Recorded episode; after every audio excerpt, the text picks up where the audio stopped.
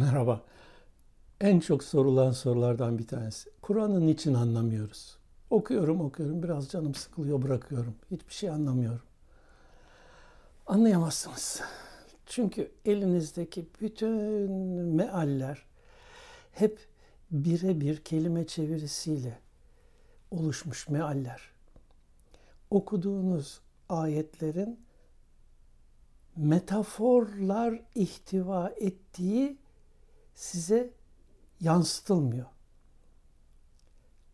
Kelime bazında birebir çeviriler ve size bak siz o kelime bazındaki çeviriye bakıyorsunuz. Bu ne demek istiyor ya diyorsunuz.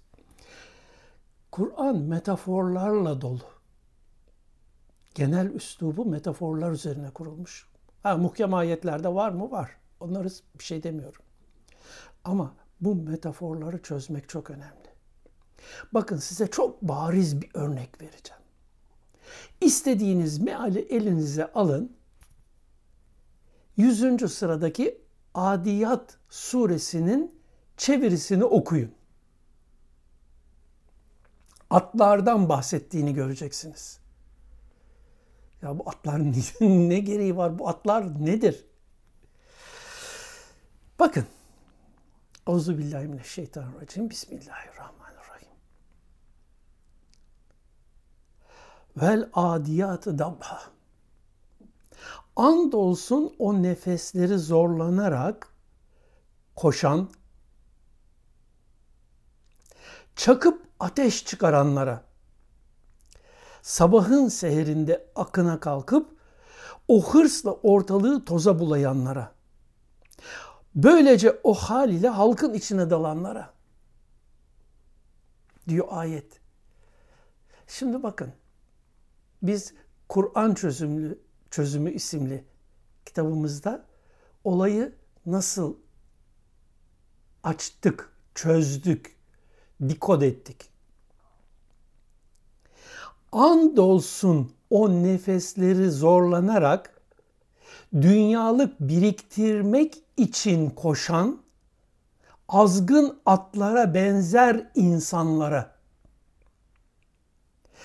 koşuşurken hırsından, öfkesinden çakıp ateş çıkaranlara sabahın seherinde kalkıp o hırsla ortalığı toza bulayanlara böylece o hal içinde halkın içine dalanlara çok yazık. Gerçektir ki insan Rabbine karşı elbette çok nankördür. Kesinlikle kendisi de buna şahittir. Kesinlikle onda zenginlik sevgisi çok şiddetlidir.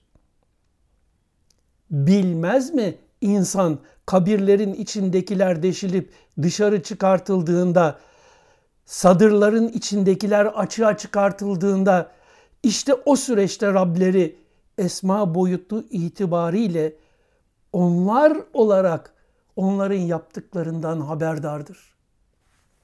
Şimdi bakın bu sureyi dikkatle okuyun. Web sayfamıza girin. Orada Kur'an çözümünden Adiyat suresine bakın. Sonra diğer meallerle karşılaştırın.